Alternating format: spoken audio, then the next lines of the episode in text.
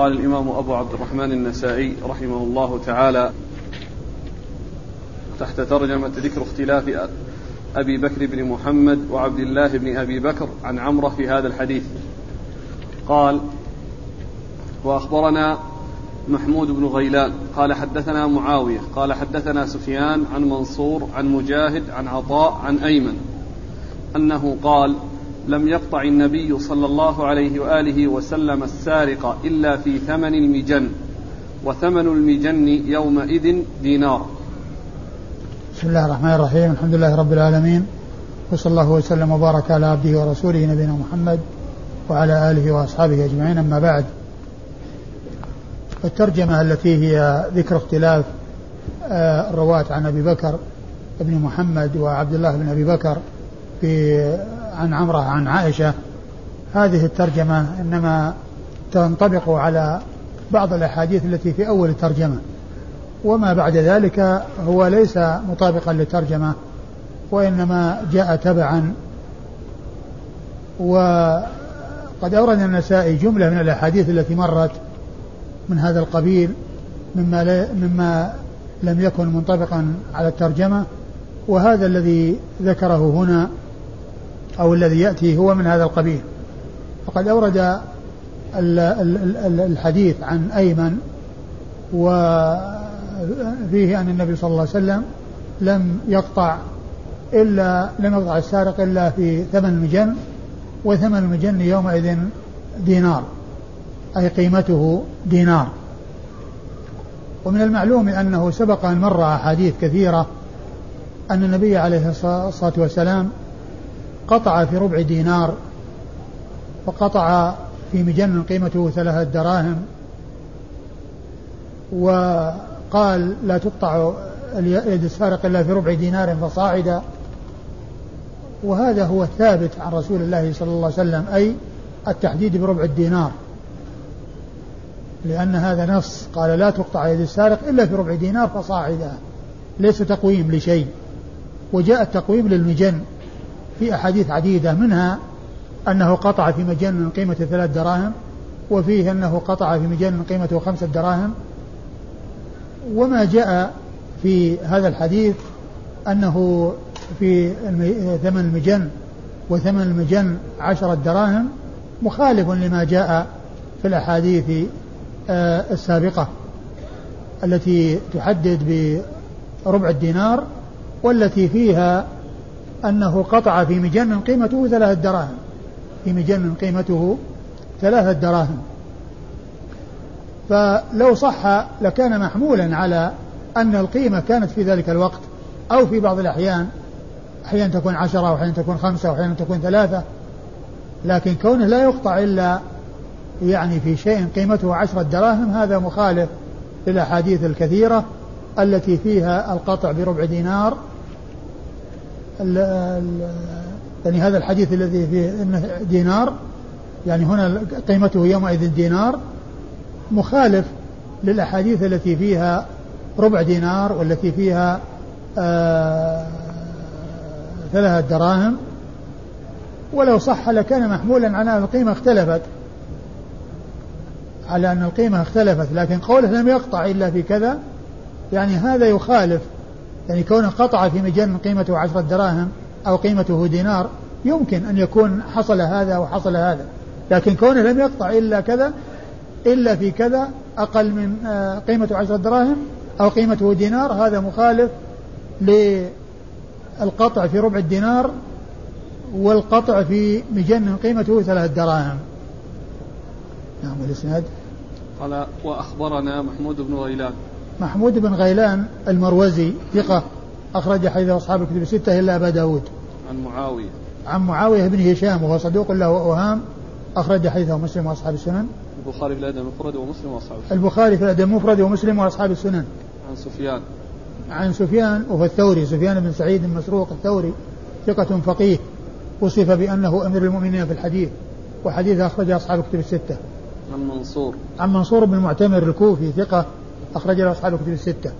عن مجاهد. عن مجاهد بن جبر المكي وهو ثقة أخرج له أصحاب الكتب الستة. عن عطاء. عن عطاء بن أبي رباح المكي وهو ثقة أخرج له أصحاب الكتب الستة. عن أيمن. عن أيمن وقيل إنه أيمن ابن أم أيمن وقيل إنه مولى الزبير وقيل مولى بن الزبير و آه، خرج حديثه النسائي وحده. خرج حديثه النسائي وحده وقال عنه كما سيأتي أنه الأشبه أنه ليس بصحابي واستدل على ذلك بأنه يروي عن كعب الأحبار بواسطة يروي عن كعب الأحبار بواسطة وكعب الأحبار يعني كما هو ليس بصحابي يعني فهذا استدل به النسائي على أنه غير صحابي حيث أورد حديثا جاء من طريقين وفي إسناده آه، أيمن هذا يروي عن شخص عن كعب واستدل بذلك أو بروايته عن كعب بواسطة على أنه غير صحابي وأنه متأخر. وعلى هذا فيكون يعني هذا مقطوع. هذا هذا الحديث أو هذا الأثر مقطوع والمقطوع هو ما أضيف إلى التابع أو من دونه. ما انتهى سنده أو ما انتهى أو المتن الذي أضيف إلى إلى التابع أو من دون التابع هذا هو المقطوع. ومن المعلوم أنه مخالف للأحاديث التي فيها القطع بأقل من آه، مجن قيمته عشرة دراهم أو أو دينار. وخرج حديثه النسائي وحده. والحافظ بن حجر قال يحتمل أو أنه يمكن أن يكون هو الذي قبله وهو أيمن الحبشي ويحتمل أن يكون غيره ولم يروي له إلا النسائي أي الذي آه، فيما يتعلق بالقطع لأنه روى حديث القطع أو جاء عنه حديث القطع في السرقة الذي هو هذا من طرق عديدة. نعم. هو يقول والأول أشبه. الأول أنه يعني ليس أنه, إنه إيش؟ إنه أيمن الحب... لأنه يقول أيمن الحبشي. أيمن في السرقة. قيل هو الذي قبله. أيوه. وقيل مولى الزبير. أيوه. الذي هو الذي هو الحبشي. اللي قبله. اللي قبله. أيمن الحبشي. اللي قبله نعم. أي نعم. وقيل, وقيل هو أيمن بن أم أيمن. أي نعم. والأخير خطأ. أي نعم. والأول أشبه. أي نعم. يعني الحبشي. فإذا قلنا انه ايمن الحبشي يكون ثقة. يكون ثقة هو يكون ما يروي فقط له النسائي وحده. أي نعم. يعني يروي له معه من؟ البخاري ثم رمز له بصاد في الخصائص. م. والنسائي إذا قلنا بأنه أيمن الحبش أي نعم. يعني هو يعني هو هو عادة أنه يعني ما يرمز لكتاب آخر غير السنن إلا إذا كان ما له رواية في السنن. نعم. لكن لا أدري هل الصاد هذه يعني تصحيف من السين أو أنها كذلك يعني صاد مقصود بها الخصائص لكن يعني إذا كان هو الذي قبله كما قال الحافظ أنه أشبه يعني معناه أنه آه، روى له النسائي وروايته القطع في السرقة. هي الأحاديث اللي جاءت من طرق متعددة عنه في هذا الموضع. وذاك روى عنه غير النسائي. روى عنه غير النسائي. لكن نعم. من اللي روى؟ هذا اللي هو أيمن هذا. هذا أيمن هذا اللي هو قطع سرقة اللي هو الأول البخاري في الأدب المفرد؟ لا البخاري في الصحيح. لا البخاري في الصحيح أي. اللي هو أيمن الحبشي أي. أي. والنسائي في الخصائص. الخصائص. أنا أقول إذا كان يقصد الذي قبله يقصد الذي قبله يمكن أن يكون الصاد يعني فيها آه تصحيف من السين أو أنها الصاد والسين مع بعض. مثل ما يأتي بعض الأحيان يرمز البخاري في جزء القراءة وفي الأدب المفرد وفي الأدب المفرد مع بعض. مثل والد عمرو بن شعيب رمز له بالبخاري في المفرد وجزء القراءة. لكن مهما يكون من شيء الإسناد منقطع. الإسناد يعني غير متصل. وأيضا مخالف لما جاء في الأحاديث التي فيها القطع بأقل من هذا المقدار. قوله لم يقطع إلا في كذا يعني هذا مخالف لما ثبت في الصحيح. في الصحيحين وفي غيرهما من القطع في ربع دينار. في تحقيق عادل مرشد آه، أيمن الحبشي رمز له كما هنا في أو شو اسمه؟ صاد خاص خاء صاد أيوة. لكن يقول رقم له في الأصل والمطبوع برقم أبي داود في, في فضائل الأنصار صد. وهو خطأ. صوابه صاد كما أثبتناه وهو رقم النسائي في خصائص علي رضي الله عنه. أيوة. بس. إذا إذا كان هو الذي قبله أو يشبه اللي قبله يعني معناه رواه في السنن أي نعم. وهذا موجود معنا في السنن الحديث. نعم. أي نعم. مهما يكون من شيء الحديث يعني غير متصل ومخالف للأحاديث الصحيحة. قال أخبرنا محمد بن بشار. قال حدثنا عبد الرحمن. قال حدثنا سفيان عن منصور عن مجاهد عن أيمن أنه قال لم تكن تقطع اليد على عهد رسول الله صلى الله عليه وآله وسلم إلا في ثمن المجن وقيمته يومئذ دينار ثم ورد النسائي الحديث من طريق أخرى وهو مثل الذي قبله قال نعم. أخبرنا محمد بن بشار محمد بن بشار الملقب بن دار ثقة أخرجه أصحاب كتب الستة بل هو شيخ لأصحاب كتب الستة. عن عبد الرحمن. عن عبد الرحمن بن مهدي البصري ثقة أخرج له أصحاب كتب الستة. عن سفيان. عن سفيان الثوري مر ذكره. عن منصور عن مجاهد عن أيمن. وقد مر ذكرهم. قال أخبرنا أبو الأزهر النيسابوري قال حدثنا محمد بن يوسف قال حدثنا سفيان عن منصور عن الحكم عن مجاهد عن أيمن أنه قال لم تقطع اليد في زمن رسول الله صلى الله عليه وآله وسلم إلا في ثمن المجن وقيمة المجن يومئذ دينار. ثم ورد النسائي الحديث من طريق أخرى وهو مثل الذي قبله. قال أخبرنا أبو الأزهر النيسابوري. أبو الأزهر النيسابوري هو أحمد بن الأزهر أبو الأزهر أحمد بن ازهر بن أزهر النيسابوري وهو ثقة. صدوق صدوق النسائي وابن ماجه. صدوق اخرج حديثه النسائي وابن ماجه. عن محمد بن يوسف عن محمد بن يوسف الفريابي وهو ثقة أخرجه أصحاب الكتب نعم أخرجه أصحاب الكتب الستة عن سفيان عن منصور عن الحكم. عن سفيان عن منصور وقد مر ذكرهما والحكم هو بن عتيبة. ثقة أخرجه أصحاب الكتب الستة. عن مجاهد عن أيمن. عن مجاهد مجاهد عن أيمن وقد مر ذكرهما.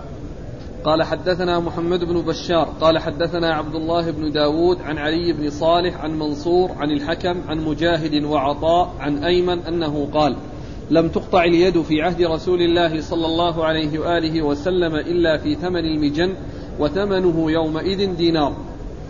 وهذا مثل الذي قبله أيضا. محمد بن بشار مر ذكره. عن عبد الله بن داود. عبد الله بن داود الخريبي وهو ثقة أخرج حديث البخاري وأصحاب السنة الأربعة. عن علي بن صالح. عن علي بن صالح بن حي وهو ثقة أخرج حديثه مسلم وأصحاب السنن. نعم. مسلم وأصحاب السنن. عن منصور عن الحكم عن مجاهد وعطاء عن أيمن. وقد مر ذكرهم جميعا. قال أخبرنا هارون بن عبد الله قال حدثنا الأسود بن عامر قال أخبرنا الحسن بن حي. عن منصور عن الحكم عن عطاء ومجاهد عن أيمن أنه قال يقطع السارق في ثمن المجن وكان ثمن المجن على عهد رسول الله صلى الله عليه وآله وسلم دينارا أو عشرة دراهم. عن عطاء. عن عطاء ومجاهد عن أيمن. آه نعم. قال لم. قال يقطع السارق في ثمن المجن وكان ثمن المجن على عهد رسول الله صلى الله عليه وآله وسلم دينارا أو عشرة دراهم. آه، وهذا مثل الذي قبله. قال أخبرنا هارون بن عبد الله. هارون بن عبد الله الحمال البغدادي ثقة أخرج حديثه مسلم وأصحاب السنن. عن الأسود بن عامر. الأسود بن عامر ثقة أخرجه أصحاب الكتب الستة. عن الحسن بن حي. الحسن بن صالح بن حي أخو علي بن صالح الذي مر ذكره وهو ثقة أخرج حديثه البخاري في في المفرد ومسلم وأصحاب السنن. عن منصور عن الحكم عن عطاء ومجاهد عن أيمن. وقد مر ذكرهم. قال أخبرنا علي بن حجر قال أخبرنا شريك عن منصور عن عطاء ومجاهد عن أيمن بن أم أيمن يرفعه أنه قال لا تقطع اليد إلا في ثمن المجن وثمنه يومئذ دينار. ثم ورد الحديث من طريق أخرى وهو مثل الذي قبله. قال أخبرنا علي بن حجر. يعني يرفعه يعني معناه أنه مرسل. يعني أرسله وهو متأخر أيضا. والوسائط يعني كما هو معلوم آه الغالب أن فيه غير الصحابة. كما سيأتي أنه يروي عن كعب الأحبار بواسطة. أيوة. أخبرنا قال أخبرنا علي بن حجر. علي بن حجر ثقة أخرج حديث البخاري ومسلم والترمذي والنسائي. عن شريك. عن شريك بن عبد الله القاضي النخعي هو صدوق يخطئ كثيرا وحديثه أخرجه البخاري تعليقا ومسلم وأصحاب السنة. عن عن منصور عن عطاء ومجاهد عن أيمن بن أم أيمن. نعم وهنا قال عن أيمن بن أم أيمن. نعم وهذا الذي قال أن هذا خطأ أو بعيد قال الحافظ قال أخبرنا قتيبة قال حدثنا جرير عن منصور عن عطاء ومجاهد عن أيمن أنه قال لا يقطع السارق في أقل من من ثمن المجن. ثم ورد النسائي الأثر وهو من كلامه أو من يعني لم يضفه إلى عهد النبي صلى الله عليه وسلم فيكون يعني مقطوعا. يعني وليس بمرفوع أيوة قال أخبرنا قتيبة قتيبة بن سعيد بن جميل بن طريف البغلاني ثقة أخرجه أصحاب كتب ستة عن جرير عن جرير بن عبد الحميد الضبي وهو ثقة أخرجه أصحاب الكتب الستة. عن منصور عن عطاء ومجاهد عن أيمن. قد مر ذكرهم. قال أخبرنا عبيد الله بن سعد بن إبراهيم بن سعد قال حدثنا عمي قال حدثنا أبي عن ابن إسحاق أنه قال حدثنا عمرو بن شعيب أن عطاء بن أبي رباح حدثه أن عبد الله بن عباس رضي الله عنهما كان يقول ثمنه يومئذ عشرة دراهم. ثم ورد النسائي عن ابن عباس رضي الله عنه في بيان ثمن المجن وأنه عشرة دراهم. ومن المعلوم أن المجن تتفاوت قيمته وتقديره وليس فيه التنصيص على أنه لم يقطع إلا في كذا. لكن يمكن أن يكون محمولا على بعض الأحيان. وأيضا كذلك يعني بالنسبة لبعض المجان لأنها تتفاوت. نعم. قال أخبرنا عبيد الله بن سعد بن إبراهيم بن سعد. عبيد الله بن سعد بن إبراهيم بن سعد وهو ثقة أخرج حديثه البخاري والترمذي وأبو داود. البخاري وأبو داود والترمذي والنسائي. عن عمه. عن عمه يعقوب بن إبراهيم بن سعد وهو ثقة. أخرج له أصحاب كتب الستة عن أبيه عن إبراهيم بن سعد وهو ثقة أخرج له أصحاب كتب الستة عن ابن إسحاق عن ابن إسحاق ومحمد بن إسحاق صدوق يدلس أخرج حديث البخاري تعليقا ومسلم وأصحاب السنة الأربعة. عن عمرو بن شعيب. عمرو بن شعيب هو آه، آه، ثقة هو صدوق أخرج حديث البخاري في جزء القراءة وأصحاب السنة الأربعة. عن عطاء عن عبد الله بن عباس. عن عطاء بن أبي رباح وقد مر ذكره عن عبد الله بن عباس ابن عبد المطلب ابن عم النبي صلى الله عليه وسلم وأحد العباد له الأربعة وأحد السبعة المعروفين بكثرة الحديث عن النبي صلى الله عليه وسلم.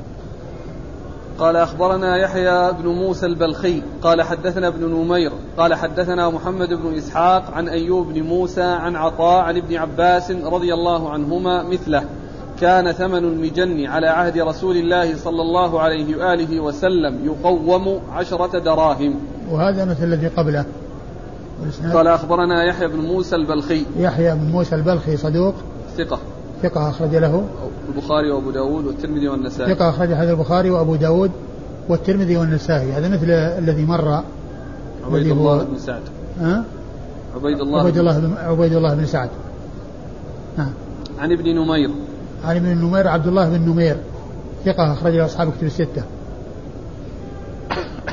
عن محمد بن إسحاق عن أيوب بن موسى. عن محمد بن إسحاق مر ذكره أيوب أيوب بن موسى ثقة أخرج له أصحاب كتب الستة. عن عطاء عن ابن عباس. عن عطاء عن ابن عباس وقد مر ذكرهما. قال أخبرنا محمد بن وهب قال حدثنا محمد بن سلمة قال حدثني ابن إسحاق عن أيوب بن موسى عن عطاء مرسل. ثم ورد النسائي الأثر عن عن ابن عباس وهو مرسل. يعني لم لم يضفه إلى ابن عباس وإنما أضافه إلى الرسول صلى الله عليه وسلم. والإسناد؟ قال أخبرنا محمد بن وهب. محمد بن وهب الحراني وهو صدوق أخرج حديثه. النسائي. أخرج حديثه النسائي وحده. عن محمد بن عن محمد بن سلمة الحراني أيضا الباهلي وهو ثقة أخرج حديث البخاري في جزء القراءة ومسلم وأصحاب السنة الأربعة. عن ابن إسحاق عن أيوب بن موسى عن عطاء. عن ابن إسحاق عن أيوب بن موسى عن عطاء وقد مر ذكرهم. قال أخبرنا حميد بن مسعدة عن سفيان وهو ابن حبيب عن العرزمي وهو عبد الملك بن أبي سليمان عن عطاء أنه قال أدنى ما يقطع فيه ثمن المجن. قال وثمن المجن يومئذ عشرة دراهم. قال أبو عبد الرحمن وأيمن الذي تقدم ذكرنا لحديثه ما أحسب أن له صحبة. وقد روي عنه حديث آخر يدل على ما قلناه. ثم أورد النسائي الأثر عن عطاء وهو مثل الذي قبله مرسل. نعم. قال أخبرنا حميد بن مسعدة. حميد بن مسعدة صدوق أخرج حديثه مسلم وأصحاب السنن. عن سفيان هو ابن حبيب. سفيان بن سفيان بن حبيب وهو صدوق ثقة. ثقة أخرج حديثه. البخاري في الأدب المفرد وأصحاب السنن. البخاري في الأدب المفرد وأصحاب السنن. عن العرزمي وهو عبد الملك بن عن عبد الملك بن أبي سليمان العرزمي وهو صدوق له أوهام. أخرج حديثه. البخاري تعليقا ومسلم وأصحاب السنن. البخاري تعليقا ومسلم وأصحاب السنن الأربعة. عن عطاء. عن عطاء وقد مر ذكره. قال أبو عبد الرحمن. قال أبو عبد الرحمن النسائي أن أيمن الذي روينا حديثه ما أحسب أن له صحبة. ثم قال آه ثم أورد حديثين أو آه إسنادين يدلان على أنه لا صحبة له لأنه يروي عن كعب الأحبار بواسطة. أيوة. وهذا قال وهذا وقد روي عنه حديث آخر يدل على ما قلناه. وقد روي عنه حديث آخر يعني غير حديث السرقة يدل على ما قلناه من أنه ليس له صحبة. يدل على ما قلناه من أنه ليس له صحبة وذلك أنه يروي عن كعب الأحبار بواسطة. فهذا يدل على تأخره وأن حديثه الذي مر منقطع وأنه مرسل. قال حدثنا سوار بن عبد الله بن سوار قال حدثنا خالد بن الحارث قال حدثنا عبد الملك. حاء قال وأخبرنا عبد الرحمن بن محمد بن سلام. قال أخبرنا إسحاق هو الأزرق. قال حدثنا به عبد الملك عن عطاء عن أيمن مولى بن الزبير. وقال خالد في حديثه مولى الزبير عن تبيع عن كعب أنه قال من توضأ فأحسن الوضوء ثم صلى وقال عبد الرحمن فصلى العشاء الآخرة ثم صلى بعدها أربع ركعات فأتم. وقال سوار يتم ركوعهن وسجودهن ويعلم ما يقترئ. وقال سوار يقرأ فيهن كن له بمنزلة ليلة القدر. ثم أورد النسائي هذا الأثر الذي فيه روايته عن كعب الأحبار بواسطة والذي استدل به النسائي على أنه ليس بصحابي والحديث لا علاقة له في الترجمة التي هي القطع في السرقة وإنما المقصود منه الاستدلال على أنه لا صحبة له. الاستدلال على أنه لا صحبة له هذا هو المقصود من الإسناد ويتعلق بالصلاة والوضوء ولا علاقة له في السرقة لكن المقصود منه جاء آه، استطرادا للاستدلال على أن أيمن هذا ليس بصحابي إذ أنه يروي هذا الأثر عن كعب الأحبار بواسطة وهذا يدل على عدم صحبته. أيوة. المتن؟ أيوة المتن شو يقول؟ قال كعب من توضأ فأحسن الوضوء ثم صلى. نعم. وقال عبد الرحمن فصلى العشاء الآخرة. يعني هذا لأن الحديث أرده من طريقين عن شيخين ويعني بطريقين مختلفتين فأشار إلى اختلاف بعض الألفاظ بالنسبة للطريقين. الطريق اللي فيها سوار والطريق اللي فيه التي فيها عبد الرحمن بن محمد بن سلام. أيوه. وقال عبد الرحمن فصلى العشاء الآخرة ثم صلى بعدها أربع ركعات فأتم. وقال سوار يتم ركوعهن وسجودهن ويعلم ما يقترئ. وقال سوار يقرأ فيهن كن له بمنزلة ليلة القدر. نعم. يعني هذا المقصود من هذا كله أو إيراد الأثر الاستدلال على أن أيمن ليس بصحابي. أيوه. قال حدثنا سوار بن عبد الله بن سوار. سوار بن عبد الله بن سوار صدوق. ثقة. ثقة. أبو داود والترمذي والنسائي. ثقة أخرج حديث أبو داود والترمذي والنسائي. عن خالد بن الحارث. عن خالد بن الحارث البصري ثقة أخرج له أصحاب الكتب الستة. عن عبد الملك. عن عبد الملك بن أبي سليمان مر ذكره. قال حاء وأخبرنا عبد الرحمن بن محمد بن سلام. عبد الرحمن بن محمد بن سلام لا بأس به وهي تعادل صدوق. أخرج حديث النسائي. أبو داود والنسائي. أخرج حديث أبو داود والنسائي. عن إسحاق هو الأزرق. عن إسحاق هو الأزرق. إسحاق بن يوسف الأزرق. ثقة. أخرج له أصحاب الكتب الستة. عن عبد الملك عن عطاء. عن عبد الملك عن عطاء عن, عن أيمن. نعم. وقد مر ذكرهم. وقال خالد في حديثه مولى الزبير. يعني خالد الذي في الطريق الأولى خالد بن الحارث يعني قال مولى بن الزبير والأول قال الزبير. طريقة خالد قال مولى الزبير. خالد قال مولى الزبير وذاك الذي هو إسحاق إسحاق قال, قال مولى الزبير. مولى ابن الزبير. مولى ابن الزبير. عن تبيع. عن تبيع آه تبيع وهو تبيع بن تبيع بن امرأة كعب الحميري لا تبيع بن عامر ابن كذا عامر. ابن ابن امرأة كعب. نعم. هذه زيادة. زادها المحقق. التي ما موجودة. أي تبيع بن عامر أي. ابن امرأة كعب. نعم. وهو؟ صدوق. يقول صدوق عالم بالكتب القديمة. أيوة. من الثاني. أيوة. أخرج له. أخرج له النسائي. أيوة. صدوق أخرج حديثه النسائي وحده. عن كعب. عن كعب الأحبار وهو كعب بن ماتع آه المشهور بكعب الأحبار وهو ثقة مخضرم. أخرج حديثه البخاري في الأدب المفرد. لا البخاري في الصحيح. البخاري البخاري وأصحاب الكتب إلا إلا ابن ماجه في التفسير. أصحاب الكتب إلا إلا ابن ماجه في التفسير. ما حال الحديث؟ كما هو معلوم يعني آه، مقطوع هو أقول هو مقطوع ولا يقال أنه لا يق... أنه ليس الرأي فيه مجال لأنه مو ما هو كلام صحابي وإنما هو كلام يعني آه، تابعي.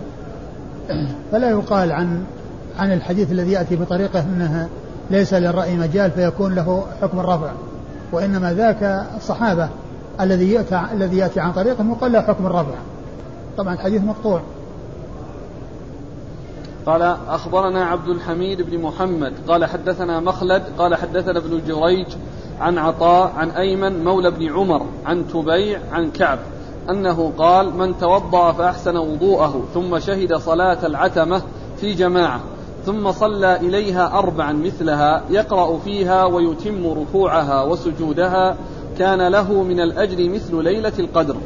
وهذا مثل الذي قبله. والإسناد عبد الحميد بن محمد بن مستام وهو صدوق. ثقة. ثقة أخرج حديثه. النسائي. ثقة أخرج حديثه النسائي وحده. عن مخلد. عن مخلد بن يزيد.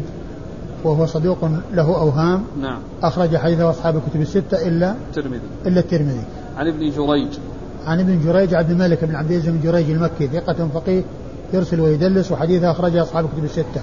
عن عطاء عن أيمن مولى بن عمر عن تبيع عن عن كعب. وقد مر ذكرهم.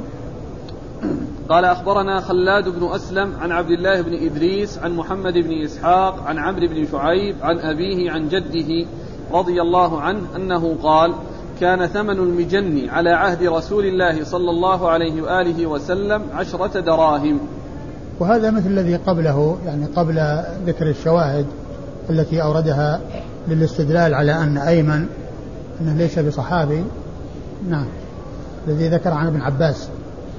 يعني مثل الذي ذكره عن ابن عباس إلا هنا قال عشرة دراهم. أيوه. قال أخبرنا خلاد بن أسلم. خلاد بن أسلم إيش قال عنه؟ ثقة أخرجه الترمذي والنسائي. ثقة أخرج حديث الترمذي والنسائي. عن عبد الله بن إدريس. عن عبد الله بن إدريس الأودي وهو ثقة أخرجه أصحاب الكتب الستة. عن محمد بن إسحاق عن عمرو بن شعيب عن أبيه. محمد بن إسحاق عمرو بن شعيب مر ذكرهما. وأبوه شعيب بن محمد هو صدوق أخرج حديثه البخاري في الأدب المفرد. وجزء القراءة وأصحاب السنن. عن عبد الله بن عمرو بن العاص رضي الله تعالى عنهما وهو أحد العباد له أربعة من الصحابة وحديثه أخرجه أصحاب الكتب الستة. قال رحمه الله تعالى الثمر المعلق يسرق. قال أخبرنا قتيبة. قال حدثنا أبو عوانة عن عبد الله بن الأخنس. عبيد الله. عن عبيد الله بن الأخنس عن عمرو بن شعيب عن أبيه عن جده رضي الله عنه أنه قال سئل رسول الله صلى الله عليه وآله وسلم في كم تقطع اليد قال لا تقطع اليد في ثمر معلق فإذا ضمه الجرين قطعت في ثمر في ثمن المجن ولا تقطع في حريسة الجبل فإذا آوى فإذا آوى المراح قطعت في ثمن المجن. ثم ورد النسائي هذه الترجمة الثمر المعلق يسرق الثمر المعلق يسرق هل يسرق هل هل يعني آه هل يقطع به أو لا؟ آه المقصود أنه لا يقطع به يعني الثمر المعلق على الأشجار الذي على رؤوس النخل وعلى رؤوس الأشجار لا يقطع وإنما إذا آواه الجرين بمعنى أنه جذ وجعل في الجرين وهو المكان الذي يجفف فيه التمر فيكون يعني آه، في حرز. فهذا هو الذي يقطع إذا بلغ ثمن المجن. إذا بلغ ثمن المجن ولا يقطع يعني فيما دون ذلك. وأما ما كان على رؤوس النخل وما كان ثمرا معلقا على الأشجار فإنه لا قطع فيه ولكنه يعاقب. يعني إذا لم يكن مضطرا. وأما إذا كان مضطرا فجاء ما يدل على جواز الأكل. وأما كونه يعني يأخذ ويتزود ويأخذ شيئا زائدا عن حاجته فهذا سيأتي ما يدل على منعه ولكنه وغرامته لكنه لا يقطع به.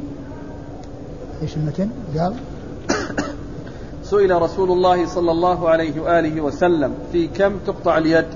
أيوة. قال لا تقطع اليد في ثمر معلق. لا تقطع اليد في ثمر معلق. يعني إذا أخذ من الثمر المعلق فإنه لا قطع سواء أكل أو اصطحب. لكنه إذا كان مضطرا يعني لا يؤاخذ وإذا كان غير مضطر وأخذ وإذا كان أخذ شيئا زائدا عن حاجة الاضطرار فإنه يغرم إياه ويعاقب. و أيوه. فإذا ضمه الجرين قطعت في ثمن المجن. فإذا ضمه الجرين وهو الموضع الذي يخصص لتجفيفه مثل البيدر بالنسبة للحنطة والقمح. هذا يقال له بيدر وهذا يقال له جرين أيوه. فإذا ضمه الجرين قطعت في ثمن المجن. أي نعم. ولا تقطع في حريسة الجبل.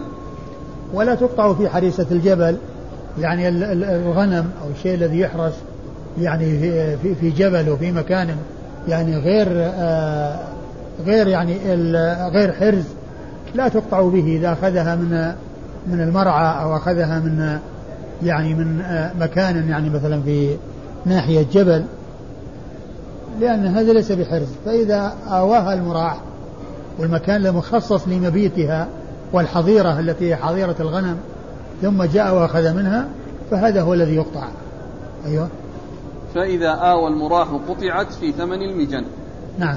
قال أخبرنا قتيبة قال حدثنا أبو عوانة. أبو عوانة الوضاح بن عبد الله اليشكري ثقة أخرجه أصحاب كتب الستة. عن عبيد الله بن الأخنس. عن عبيد الله بن الأخنس وهو صدوق. صدوق أخرج له أصحاب الكتب. صدوق أخرج له أصحاب الكتب الستة. عن عمرو بن شعيب عن أبيه عن جده. عن عمرو بن شعيب عن أبيه عن جده وقد مر ذكرهم. قال رحمه الله تعالى الثمر يسرق بعد أن يؤويه الجرين نعم. قال أخبرنا قتيبة قال حدثنا الليث عن ابن عجلان عن عمرو بن شعيب عن أبيه عن جده عبد الله بن عمرو رضي الله عنهما عن رسول الله صلى الله عليه وآله وسلم أنه سئل عن الثمر المعلق فقال ما أصاب من ذي حاجة غير غير متخذ خبنة فلا شيء عليه ومن خرج بشيء منه فعليه غرامة مثليه والعقوبة ومن سرق شيئا منه بعد أن يؤويه الجرين فبلغ ثمن المجن فعليه القطع. ومن سرق دون ذلك فعليه غرامة مثليه والعقوبة. قال الثمر يسرق بعد أن يؤويه الجرين الثمر يسرق بعد أن يؤويه الجرين يعني المكان المخصص لتجفيفه وحفظه أي أنه يقطع به. وقد أورد حديث عمرو بن شعيب المتقدم من طريق أخرى وفيه الدلالة على الترجمة. إيش قال في الأول؟ أنه سئل عن الثمر المعلق أيوة. فقال ما أصاب من ذي حاجة غير متخذ خبنة فلا شيء عليه. ما أصاب من ذي حاجة يعني إنسان أخذ منه وهو محتاج غير متخذ خبنة يعني يأخذ شيئا بمعطفه وبردائه ويعني يتزود به يعني شيء خارجا عن حاجته فهذا لا قطع فيه ولكن عليه العقوبة. إيش قال؟ ما أصاب من ذي حاجة غير متخذ خبنة فلا شيء عليه ومن خرج بشيء منه فعليه غرامة مثليه والعقوبة. فعليه غرامة مثليه والعقوبة.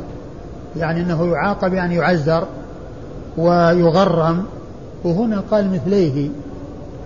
وهذا على أساس أنه يعني تضاعف العقوبة تضاعف يضاعف الغرم عليه. ومن العلماء من يقول أن هذا كان أن هذا المقصود به التخويف والزجر وأنه لا يؤاخذ إلا في مقدار ما أخذ. ومنهم من يقول أن هذا من العقوبة بالمال. وبعض أهل العلم يقول أن هذا كان سائغا ثم نسخ. والله تعالى أعلم. أيوة. يقول ومن سرق شيئا منه بعد أن يؤويه الجرين فبلغ ثمن المجن فعليه القطع ومن سرق شيئا منه بعد أن يؤويه الجرين وهو الموضع الذي يجف فيه فعليه. وبلغ ثمن المجن ففيه القطع يعني إذا بلغ النصاب يعني ما أخذه من الحرز يعني نصابا وهو ثمن المجن وما كان دون ذلك يعني دون النصاب الذي لا قطع فيه فعليه الغرامة والعقوبة كالذي أخذ من الثمر المعلق ما هو زائد عن حاجته فيه الغرامة والعقوبة. أيوة. إسناد. أي نعم. قال أخبرنا قتيبة عن الليث. قتيبة مر ذكره الليث بن سعد المصري ثقة فقيه أخرج له أصحاب كتب الستة. عن ابن عجلان. عن ابن عجلان محمد بن عجلان المدني وهو صدوق أخرج حديث البخاري تعليقا ومسلم وأصحاب السنن. عن عمرو بن شعيب عن أبيه عن جده عبد الله بن عمرو. وهنا التصريح بأن الجد هو عبد الله بن عمرو. قال قال الحارث بن مسكين قراءة عليه وأنا أسمع عن ابن وهب قال أخبرني عمرو بن الحارث وهشام بن سعد. عن عمرو بن شعيب عن أبيه عن جده عبد الله بن عمرو رضي الله عنهما أن رجلا من مزينة أتى رسول الله صلى الله عليه وآله وسلم فقال يا رسول الله كيف ترى في حريسة الجبل؟ فقال هي ومثلها والنكال. وليس في شيء من الماشية قطع إلا فيما آواه المراح فبلغ ثمن المجن ففيه قطع اليد. وما لم يبلغ ثمن المجن ففيه غرامة مثليه وجلدات نكال. قال يا رسول الله كيف ترى في الثمر المعلق؟ قال هو ومثله معه والنكال. وليس في شيء من الثمر المعلق قطع إلا فيما آواه الجرين فما أخذ من الجرين فبلغ ثمن المجن ففيه القطع وما لم يبلغ ثمن المجن ففيه غرامة مثليه وجلدات نكال. وهذا مثل الذي قبله وهذا فيه مثل الذي قبله إلا, هنا إلا أنه ذكر العقوبة هنا وأنها جلدات والمقصود بها النكال والتعزير. أي نعم. قال قال الحارث بن مسكين قراءة عليه وأنا الحارث المسكين ثقة أخرج حديث أبو داود النسائي عن ابن وهب. ابن وهب عبد الله بن وهب المصري ثقة أخرج أصحاب الكتب الستة. عن عمرو بن الحارث. عن عمرو بن الحارث المصري وهو ثقة أيضا أخرج له أصحاب الكتب الستة. وهشام بن سعد. وهشام بن سعد صدوق له أوهام أخرج حديثه. البخاري تعليقا ومسلم وأصحاب البخاري تعليقا ومسلم وأصحاب السنة الأربعة. عن عمرو بن شعيب عن أبيه عن جده عبد الله بن عمرو. عن عمرو بن شعيب عن أبيه عن جده وقد مر ذكرهم. انتهى الباب. نعم. والله تعالى أعلم وصلى الله وسلم وبارك على عبده ورسوله نبينا محمد وعلى آله وأصحابه أجمعين.